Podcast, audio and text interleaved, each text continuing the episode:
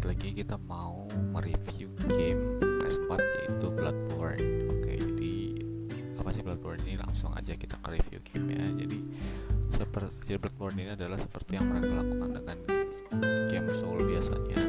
Pendekatan plot di Bloodborne juga tidak disajikan secara eksplisit tidak pernah ada benang merah yang jelas se yang sebenarnya terlepas dari beberapa cutscene yang memang ditawarkan terkadang sebelum atau setelah Anda melawan monster tertentu.